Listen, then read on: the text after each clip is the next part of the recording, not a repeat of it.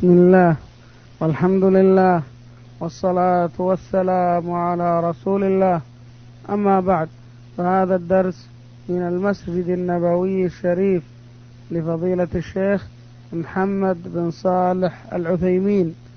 وذلك اليوم الأحد الموافق العشرون من شهر ذي الحجة لعام سبعة عشر وأربعمائة وألف للهجرة والدرس بعد صلاة المغرب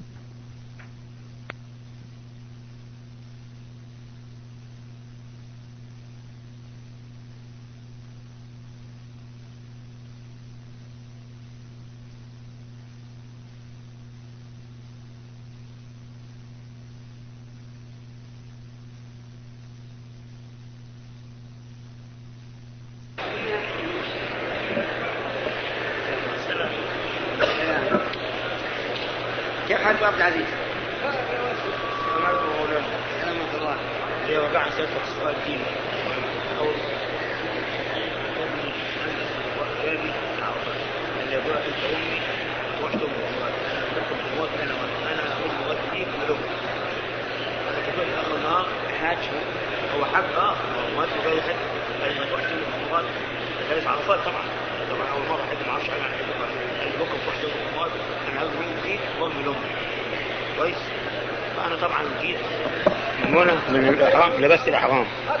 ولبس ولبس قلب ما ما أعرفش. نبغى صوب أبوك يعني. فأنا جيت خلعت الإحرام. جيت أخ النار الناس قالوا لي حتى عشان اللي فوقي نقول درس. تديني ورقة قلم نكتب يا عم الشيخ. متحلقين علينا كلكم. لا إله إلا الله محمد صلى الله عليه وسلم. الحمد لله نحمده ونستعينه ونستغفره ونعوذ بالله من شرور أنفسنا ومن سيئات أعمالنا. من يهده الله فلا مضل له ومن يضلل فلا هادي له. وأشهد أن لا إله إلا الله وحده لا شريك له. وأشهد أن محمدا عبده ورسوله. وأمينه وخليله. وخيرته من خلقه. بعثه الله تعالى بين يدي الساعة بشيرا ونذيرا. فبلغ الرسالة وأدى الأمانة ونصح الأمة. وجاهد في الله حق جهاده. وترك أمته على بيضاء نقية. لا يزيغ عنها إلا هالك. وخلفه في أمته خلفاؤه الراشدون.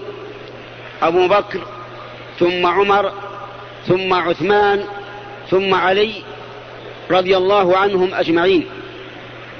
ونقلت سنة النبي صلى الله عليه وعلى آله وسلم.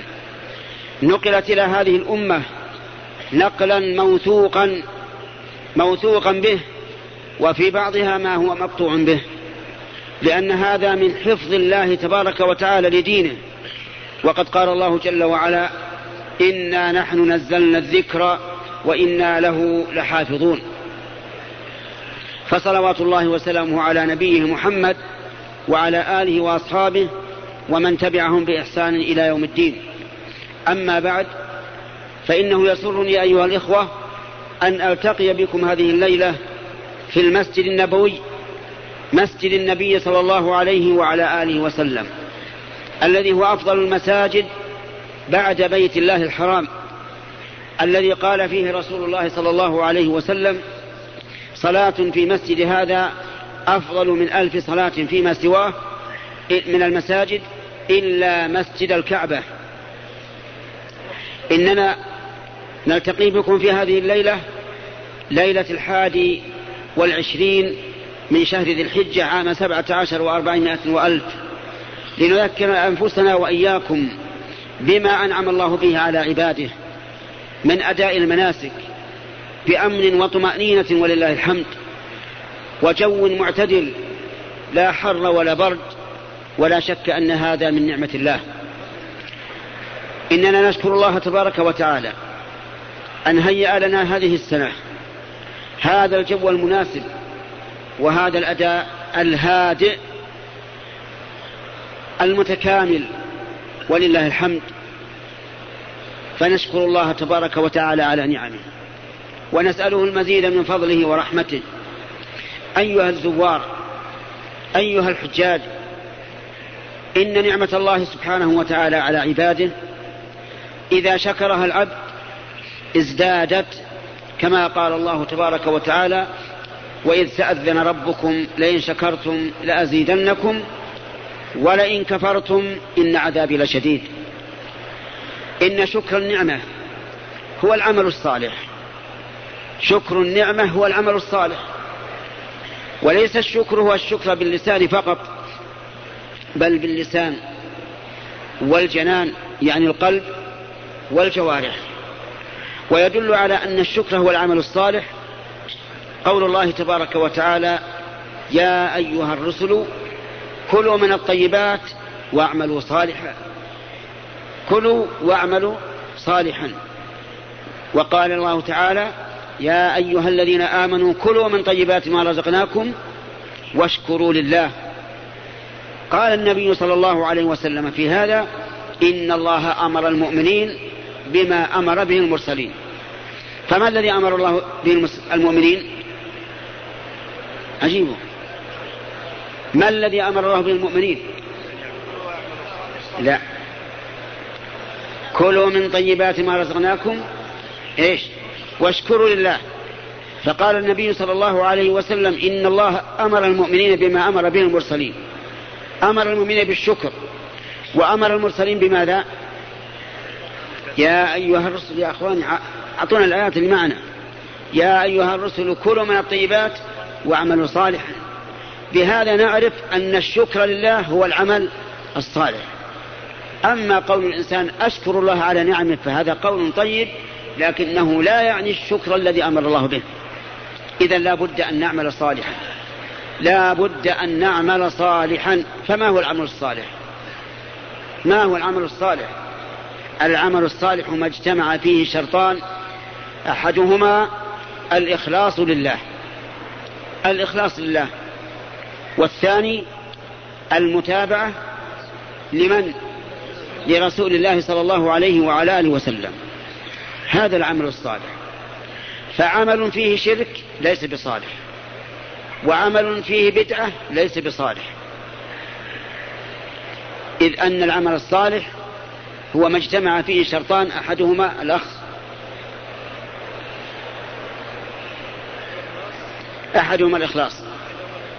والثاني لمن؟ للرسول صلى الله عليه وسلم. بارك الله فيك. عمل فيه شرك ليس بعمل صالح. وهو مردود على على على من عمل به. لقول الله تبارك وتعالى في الحديث القدسي الذي رواه أبو هريرة عن النبي صلى الله عليه وسلم أنا أغنى الشركاء عن الشرك. أنا أغنى الشركاء عن الشرك. من عمل عملا أشرك فيه معي غيري تركته وشركه. انتبه يا أخي. أنا يقول الله عز وجل أنا أغنى الشركاء عن الشرك. يعني إذا إذا أن أحدا من الناس عمل لي عملا وجعل فيه شريكا فأنا غني عنه. لا أقبله. إن تكفروا فإن الله غني عنكم. وإن تشكروا يرضه لكم. فالله عز وجل غني عن الشرك. فالمشرك مردود عليه عمله. أما الثاني المتابعة للرسول عليه الصلاة والسلام فإن, الله فإن النبي صلى الله عليه وسلم يقول من عمل عملا ليس عليه أمرنا فهو رد. رد بمعنى مردود. وفي لفظ من أحدث في أمرنا هذا ما ليس منه فهو رد. مردود. وهنا أسأل. رجل مخلص لله. يقصد بعمله وجه الله. لكنه على غير شريعة الرسول عليه الصلاة والسلام. فهل يكون عمله مقبولا؟ لا. وما الذي فقد فيه؟ ما الذي فقد فيه؟ المتابعة. فلو أن رجلا مجتهد كان مجتهدا حريصا على الخير يعبد الله ليلا ونهارا لكن على غير الشريعة الإسلامية التي جاء بها محمد صلى الله عليه وعلى آله وسلم فإن عمله إيش؟ مردود هبى لا ينفعه بل لا يزيده من الله إلا بعدا. لقول النبي صلى الله عليه وسلم كل بدعة ضلالة وكل ضلالة في النار. طيب رجل آخر كان متابعا للرسول تماما. بمعنى أنه يصلي كما جاء عن النبي عليه الصلاة والسلام. يحج كما جاء عن النبي صلى الله عليه وسلم لكنه مراء في عمله. يعمل من أجل أن يراه الناس أعاذنا الله وإياكم من الرياء. يريد من الناس أن يقولوا فلان ما شاء الله يتعبد لله بالشريعة تماما فهل عمله مقبول؟ أخوان رجل يصلي كما صلى الرسول عليه الصلاة والسلام يحج كما حج سواء بسواء لكنه مرائي. يرائي الناس يريد أن يمدحه الناس على عمله. فهل عمله مقبول؟ أعطونا جوابا حيا. مردود ولا مقبول؟ مردود؟ باتفاقكم. مردود. لماذا؟ لأنه غير مخلص. وقد قال الله تعالى أنا أغنى الشركاء عن الشرك في الحديث القدسي. من عمل عملا أشرك به مع غيري, معي غيري تركته وشركه. هذا متابع للرسول في ظاهر عمله لكنه غير مخلص فلا يقبل منه. ما رأيكم في من يعمل العبادة لغير الله؟ يعني لا, لا يجعل شريكا مع الله بل يعبد غير الله خاصة. أيكون عمله مقبولا؟ ما ما في نشاط في الجواب. الرجل يصلي لآخر يقف أمامه يضع يديه على صدره يركع له يسجد له. دون أن يصلي لله يصلي لهذا الشخص أو لصاحب هذا القبر أو ما أشبه ذلك. أيقبل عمله أو لا يقبل؟ لا يقبل. لأنه إذا كان الإنسان إذا عمل لله ولغير الله لا يقبل فمن عمل لغير الله فقط فهو أبعد من القبول. وهذا مشرك مشرك بالله شركا أكبر إذا مات حرم الله عليه الجنة ومواه النار وما للظالمين من أنصار. طيب رجل آخر يعبد الله يصلي في المسجد يصلي لله لكنه إذا أصابه الضر ذهب إلى صاحب القبر يدعوه. يا ولي الله انقذني من الضر. وإذا فاته الخير ذهب إلى صاحب القبر يدعوه. يا ولي الله اجلب الخير.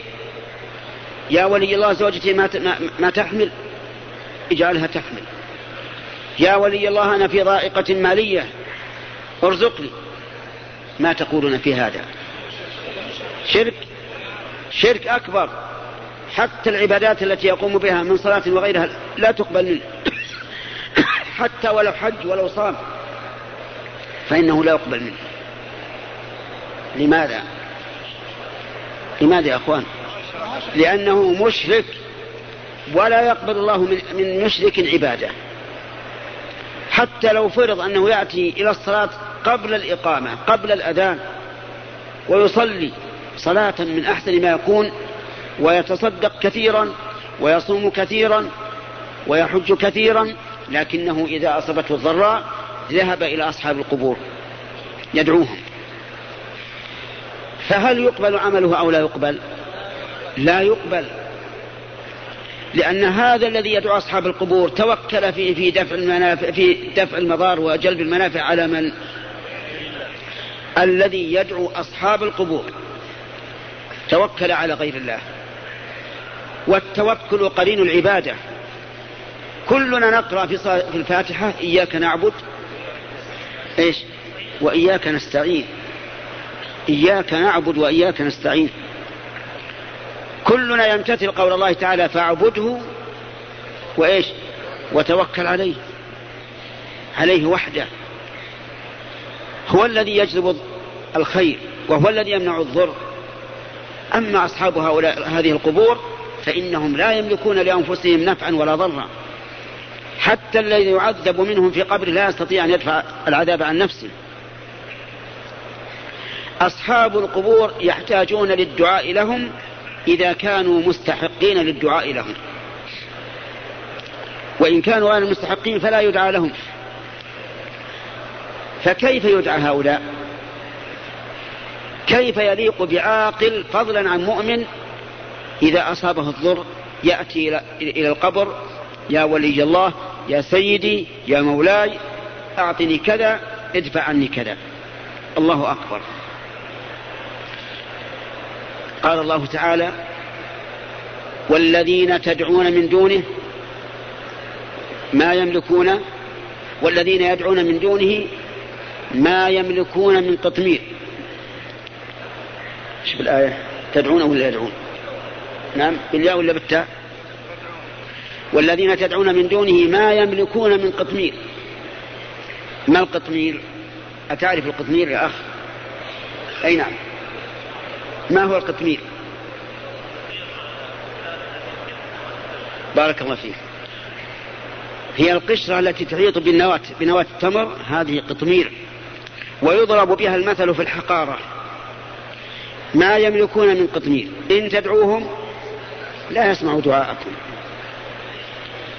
ولو سمعوا ما استجابوا لكم. ويوم القيامة يكفرون بشرككم. ثلاث ثلاث أشياء. إن تدعوهم إيش؟ لا يسمعوا دعاءكم. ولو سمعوا فرضا ما استجابوا لكم. ومع ذلك لا يسلم هؤلاء الداعون من التنديد بهم من هؤلاء المدعوين.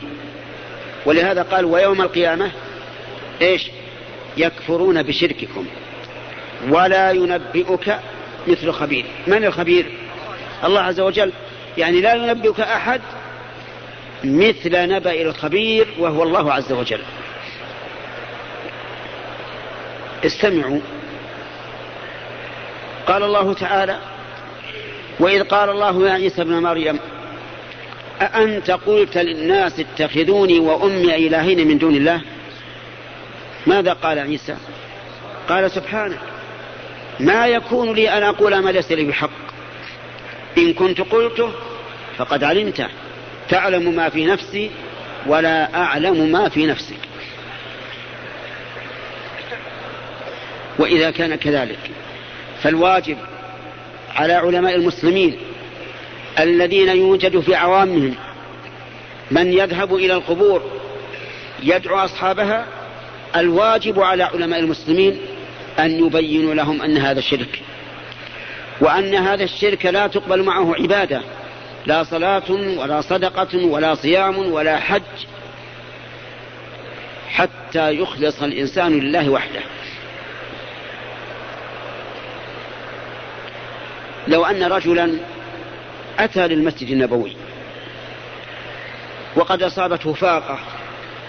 أتعرف الفاقة ما هي؟ ما الفاقة؟ الفقر. وجاء إلى قبر النبي صلى الله عليه وعلى آله وسلم.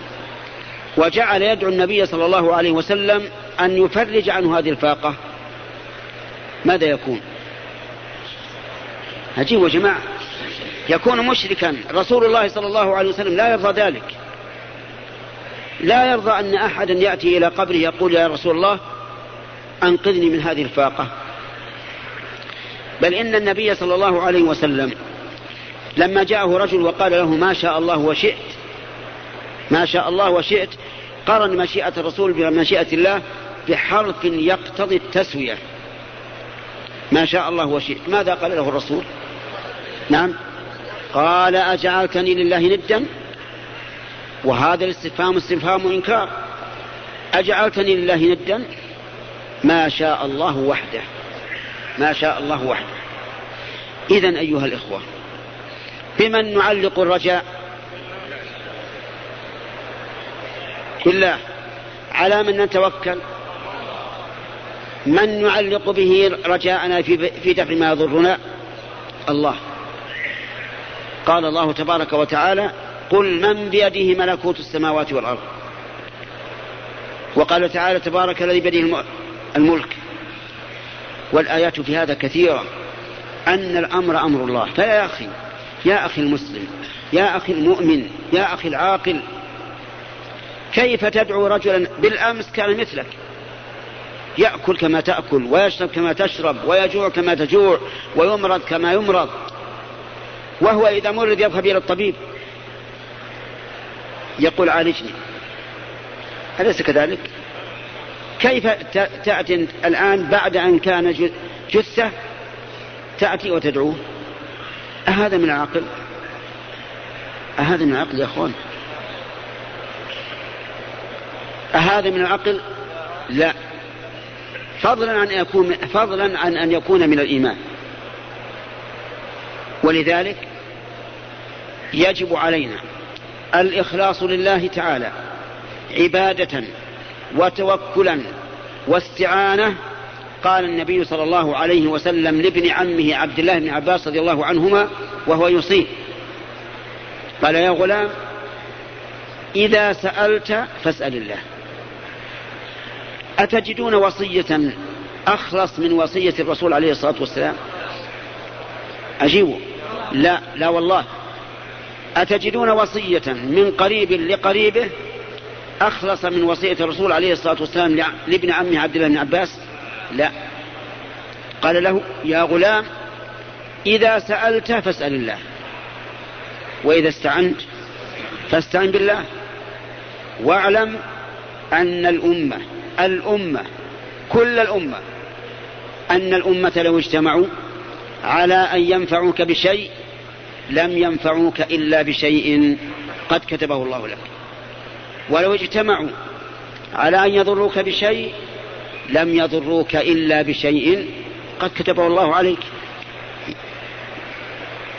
وهذا يدل على أن الإنسان يتوكل على الله عز وجل. لا يتوكل على غيره ويؤمن إيمانا لا شك لا شك فيه أن الأمر بيد من؟ بيد الله. أذكر لكم قصة. حرص الكفار المشركون من قريش على قتل النبي عليه الصلاة والسلام. حرصوا عليه أشد الحرص. لأنه دعا إلى التوحيد. دعا إلى عبادة الله وحده. دعا إلى التوكل على الله. دعا إلى الاستعانة بالله. سخر من هؤلاء القوم الذين يعبدون اللات والعزى ومنات. وهبل وغيرها من الأصنام. فسفه أحلامهم. ومن المعلوم أنهم أهل جاهلية. فجعل الذين كفروا في قلوبهم الحمية إيش؟ حمية الجاهلية. وأرادوا أن يقضوا على الرسول عليه الصلاة والسلام. فتشاوروا ماذا نفعل؟ ماذا نفعل به؟ اجتمع الرأي على أن يعط على أن ينتخبوا عشرة شبان من قبائل متفرقة من العرب ويعطوا كل واحد سيفا بتارا ويضرب محمدا صلى الله عليه وسلم ضربة رجل واحد وحينئذ يتفرق دمه في القبائل ولا يستطيع بنو هاشم أن يطالبوا القبائل. هذا مكر مكر عظيم. وفي ذلك يقول الله وإذ يمكر بك الذين كفروا. اقرأ. ليثبتوك أو يقتلوك أو يخرجوك. ويمكرون ويمكر الله. والله خير الماكرين. أتدرون ماذا حصل؟ حصل أن هؤلاء الشبان اجتمعوا وأرادوا قتل محمد رسول الله صلى الله عليه وسلم. ولكن الله عصمهم. ولكن الله عصمه منهم. يقول المؤرخون إنهم اجتمعوا على بابه يريدون أن يقتلوه. فخرج من عندهم. وهو يذر على رؤوسهم التراب ويقرأ قول الله تعالى وجعلنا من بين أيديهم سدا ومن خلفهم سدا فأغشيناهم فهم لا يبصرون. ولكنه صلى الله عليه وسلم مع توكله على الله واعتماده على الله وتعلقه بالله عز وجل لم يدع الأسباب النافعة. لم يدع الأسباب النافعة. خرج إلى المدينة مهاجرا ومعه صاحبه أبو بكر رضي الله عنه واختبأ في غار يقال له غار ثور. معروف في مكة. اختبأ في الغار ثلاث ليال. حتى انقطع عنه الطلب. أتدرون ماذا جعلت, ماذا جعلت قريش من المكافأة على إحضار الرسول عليه الصلاة والسلام؟ أتدرون ماذا؟ جعلت المكافأة وما أخرى لما يحضر أبا بكر؟ مئتان. وكان المشركون يحومون حول الغار ويقفون على الغار. حتى قال أبو بكر يا رسول الله والله لو نظر أحدهم إلى قدمه لأبصرنا. الله أكبر. لو نظر إلى قدمه لأبصرنا لأنه ما في شيء يمنع. رجلان في غار وأناس من قريش شباب أقوياء في النظر والسمع. لو نظر أحدهم إلى قدمه لأبصرنا. ماذا قال له الرسول؟ قال له لا تحزن إن الله معنا. اللهم كن معنا. قال لا تحزن إن الله معنا. ما ظنك يا أبا بكر؟ باثنين الله ثالثهما الله أكبر. وأسألكم الآن أنتم ما ظنكم بهذا؟ ما ظنكم باثنين الله ثالثهما؟ هل يستطيع أحد أن ينالهما بسوء؟ لا والله. أبدا. كن مع الله يكن الله معك.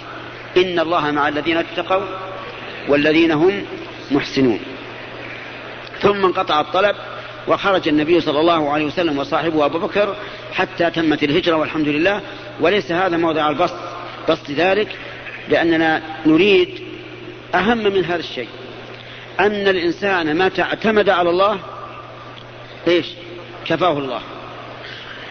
واقرأ قول الله تعالى ومن يتوكل على الله فهو حسبه. اللهم اجعلنا من المتوكلين عليك من يتوكل على الله فهو حسبه. حتى جاء في الحديث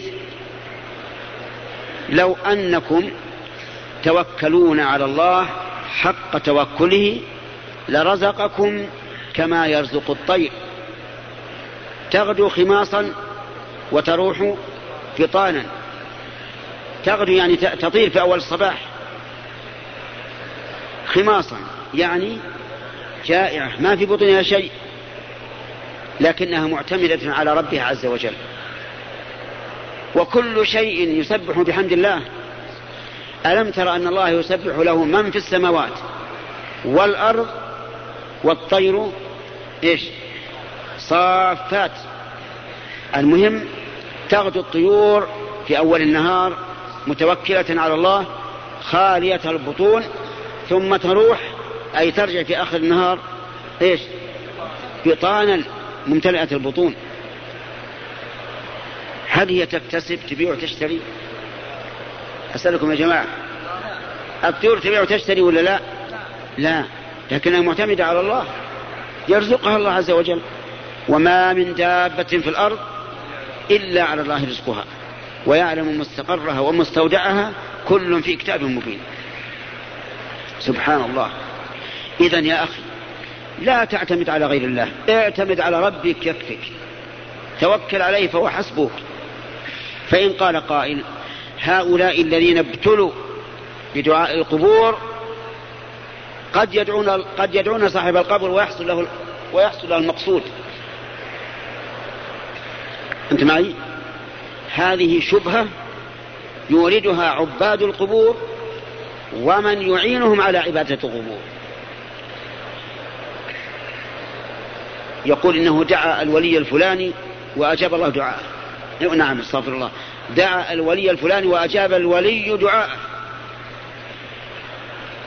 كان لا يولد له فذهب إلى السيد الفلاني إلى قبره ودعا فولد له. هذا يقع أو لا يقع؟ ربما يقع. ربما يقع. ولكنه إذا وقع فهل نصدق هذا الأمر الذي وقع؟ أو نصدق رب العالمين. أجيبوا يا جماعة. إيش الصوت هذا قليل؟ هل نصدق ما وقع أو نصدق قول رب العالمين؟ قول رب العالمين. ومن أضل ممن يدعو من دون الله؟ شوف اسمع الآية. من أضل ممن يدعو من دون الله من لا يستجيب له إلى متى؟ إلى يوم القيامة لو بقي يدعوه إلى يوم القيامة ما استجاب له. إن تدعوهم لا يسمعوا دعاءكم ولو سمعوا ما استجابوا لكم. هذا كلام الله رب العالمين. ويوم القيامة يكفرون بشرككم ولا ينبئكم مثل خبير. طيب كيف نعمل؟ كيف نتعامل مع هذا الواقع؟ نقول إن الله سبحانه وتعالى يبتلي يبتلي العبد بتسهيل طرق المعصية عليه لينظر أيصدق بخبر الله أم يصدق بما وقع. انتبه يا أخ. والواجب تصديق خبر الله. تصديق خبر الله وما وقع فهو فتنة. ما وقع فهو فتنة. وأذكر لكم مثالين. مثالا في بني إسرائيل ومثالا في هذه الأمة. مثالين أحدهما في بني إسرائيل والثاني في هذه الأمة. بنو إسرائيل حرم الله عليهم صيد البحر يوم السبت. حرمه عليهم يعني قال لهم لا تصيدوا الحيتان يوم السبت. وتعلمون بني إسرائيل ليس لهم هم إلا بطونهم. إلا من آمن منهم ومنهم كثير. أراد الله عز وجل أن يبتليهم. فصارت الحيتان تأتي يوم السبت شرعا يعني شارعة على الماء. بكثرة ولا بقلة؟ بكثرة. إذ تأتيهم حيتانهم يوم سبتهم شرعا. بكثرة. في غير يوم السبت ما في. ما في حوت. ما يجي ولا حوتة حوتة واحدة. ابتلى من الله. فانظر كيف يسر الله لهم أسباب المعصية في اليوم الذي حرم عليهم فيه الصيد وغير, وغير هذا اليوم. إيش؟ ما في حوت. قالوا هذا ما يمكن. وش نعمل؟ هل نطيع الله عز وجل ولا نصير الحوت يوم السبت؟ ونبقى جياعا. الأحد ما في حوت والاثنين ما في حوت والثلاثة ما في حوت والأربعة ما في حوت والخميس والجمعة وس... ماذا نعمل؟ قال فيه, فيه, فيه طريقة. فيه طريقة. إيش الطريقة؟ حيلة. ضع شباكا يوم الجمعة. ويأتي الحيتان يوم السبت. يقع في الشباك. ولا يستطيع التخلص منه. وفي يوم الأحد إيش؟ خذ الصيد. خذ الصيد. وتقول لربك يا ربي ما صدت يوم السبت. وإنما وضعت الشباك يوم الجمعة وأخذت الصيد يوم الأحد. ابتلاء الله عز وجل. فماذا كان فماذا كان جزاؤهم؟ قال الله تعالى ولقد علمتم الذين اعتدوا منكم في السبت فقلنا لهم كونوا قردة خاسئين. فجعلهم معتدين في السبت مع أنهم في يوم السبت ما وضعوا الشباك ولا صادوا الحوت. إنما وضعوا الشباك متى متى وضع الشباك؟ ها؟ يوم الجمعة. ومتى أخذ الحوت؟ الأحد. بارك الله فيك. وسمى الله ذلك اعتداء في السبت مع أن ظاهر الحال أن يوم السبت ما في شيء لكنه حيلة. والحيلة على محارم الله لا تقلب الحرام حلالا بل تزيد الحرام خبثا إلى خبثه. والحيلة على إسقاط ما أوجب الله لا تبيح تركه. طيب ماذا ماذا قال الله فيهم؟ ولقد علمتم الذين اعتدوا منكم في السبت فإيش؟ فقلنا لهم قولا قدريا كونوا قردة خاسئين. فكانوا أو لا؟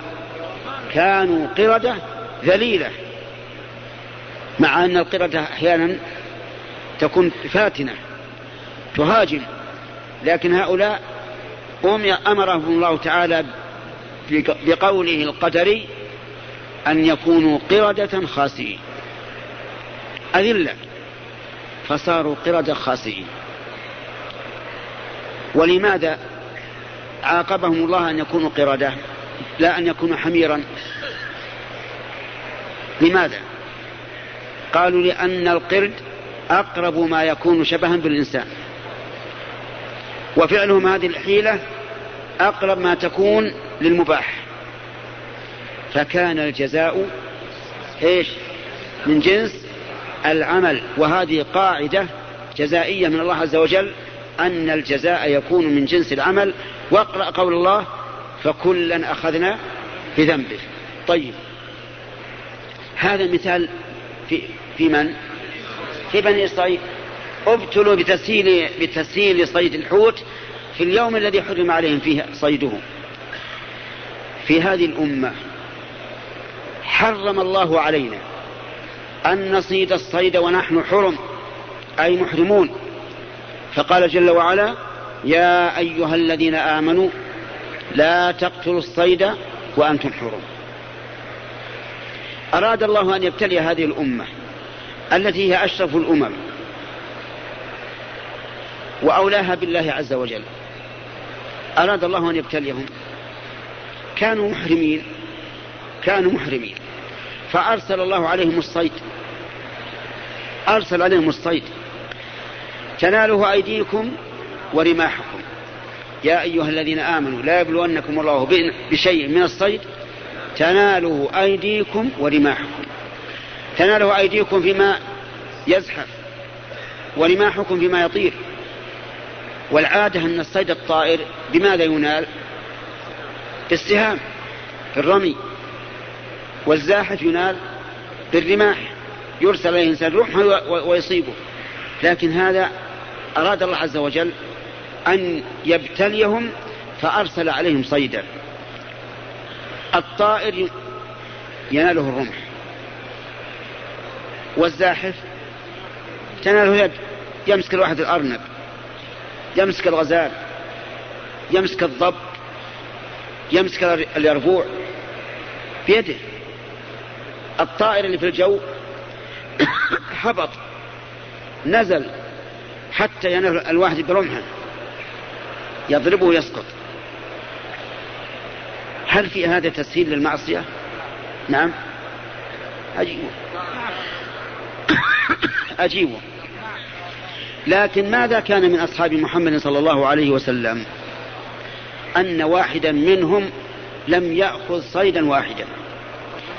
ما أخذوا صيدا لا الذي تناله أيديهم ولا الذي تناله رماحهم وبهذا يعرف فضيلة هذه الأمة على غيرها من الأمم. أسأل الله تعالى أن يجعلني وإياكم من أمة محمد. وأن يحشرنا جميعا في زمرته ويسقينا من حوضه ويدخلنا في شفاعته. إنه على كل شيء قدير. أقول يا أخواني هؤلاء الذين يدعون القبور ثم يحصل لهم ما أرادوا. هل الذي أعطاهم ما أرادوا هل هو صاحب القبر؟ أجيبوا يا أخوان. لا والله ثم والله ثم والله ما أعطاهم صاحب القبر ذلك. وإنما الذي أعطاهم هو الله ابتلاء وامتحانا. هل يصدقون بقول الله ولو سمعوا ما استجابوا لكم أو يصدقون بما وقع امتحانا؟ هذا ابتلاء من الله. ولهذا أقول لكم بارك الله فيكم. إذا سهل الله عليك أمر المعصية فاعلم أنه امتحان. انتبه انتبه. إذا سهل الله عليك أمر المعصية فاعلم أنه امتحان. لو أراد أحد والعياذ بالله أن يزني بامرأة وسهل ذلك عليه جدا. وصار يمكنه أن أن يفعل بها الفاحشة في أقرب وسيلة. ثم امتنع. فهذا هو المتقي لله. ولو كان الإنسان إذا صعب عليه الوصول إلى الفاحشة امتنع لأنه صعب. لكن إذا خلله الجو فعل الفاحشة. هل هذا متق لله؟ لا. وانظر كمال العفة في يوسف عليه الصلاة والسلام. امرأة العزيز سيدته امرأة العزيز سيدته وقد شغفها حبا أي وصل حبه إلى شغاف القلب قلب المرأة لأن يوسف عليه الصلاة والسلام أعطاه الله شطر الحسن فكان جميلا وهو فتى عند سيدها عند زوجها اليد عليه في يوم من الأيام غلقت الأبواب. غلقت الأبواب وخلت به. الآن عندها أحد؟ أجيب. ما فيها أحد. هل آمنت أن يدخل عليها أحد؟ أو لم تأمن؟ يا أخوان كيف اختلفتم على هذه المسألة؟ واضحة. هل آمنت أن يدخل عليها أحد أو لا؟ لا. آمنت يا أخوان. آمنت لأنها غلقت الأبواب. ولا أحد يقرب باب حجرتها. هي امرأة العزيز. غلقت الأبواب.